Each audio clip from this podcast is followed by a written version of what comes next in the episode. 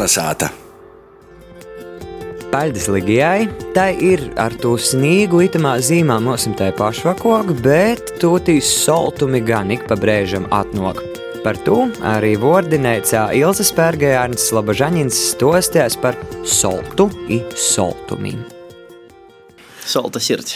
Salta, salta, tev arī nē, sirds atziņa tādā saltā laikā, te tikai pie siltas kruškas var dazagūt. Runājot par saltumu, man īta atmiņā tāds atgadījums no manā kādreiz jau sābra Bozovā.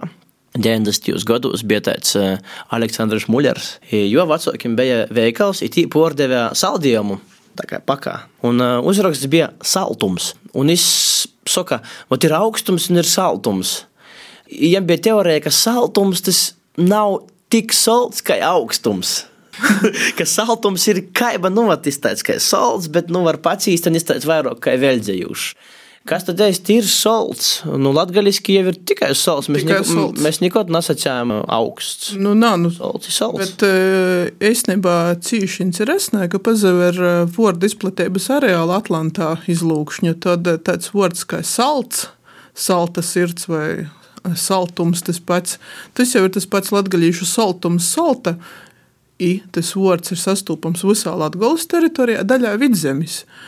Ir pors eh, punkteņi kurzemē, ir tas vārds, kas radīs jau tāds salta sirds, kas jau ir eh, principā folklorizējis. Es pat atradu, ka internetā raksta, ka bagāti arī raud lēdīgi gagai salta sirds.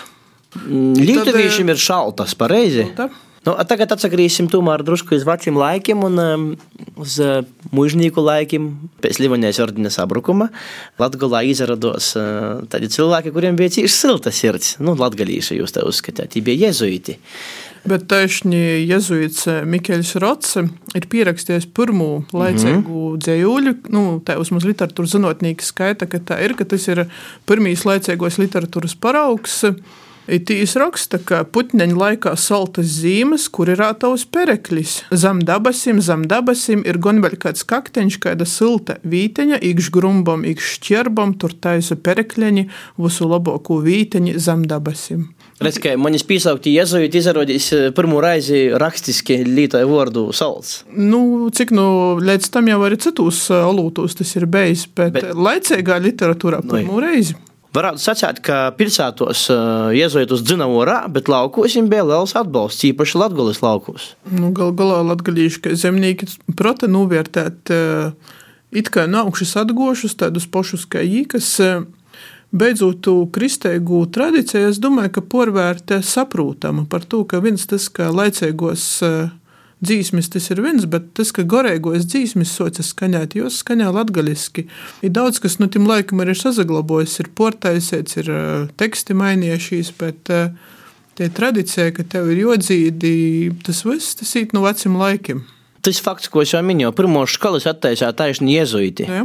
Jūs nebija daudz, bet eh, tie darbība bija gan aktīva. Nu, nu, kad tev sok pēkšņi diva gons runāt ar tevi tavā valodā, tev liekam arī drusku te pašapziņa ceļās, ka, nu, kā viss ir kārtībā ar maņem. Mana valoda ir saprotama arī divam. Pats pazar, kas notika padomju laikos, eh, baznīcas grāmatas latgaliski. Mm. I tas man pašai bija bērnībā tāds liels porsteigums, ka aizēja pie pirmos komunijas, i ka valoda, kurā tu runā ar babu, pēkšņi ir grāmatā. Tas man bija kultūršoks, kā tas ir iespējams.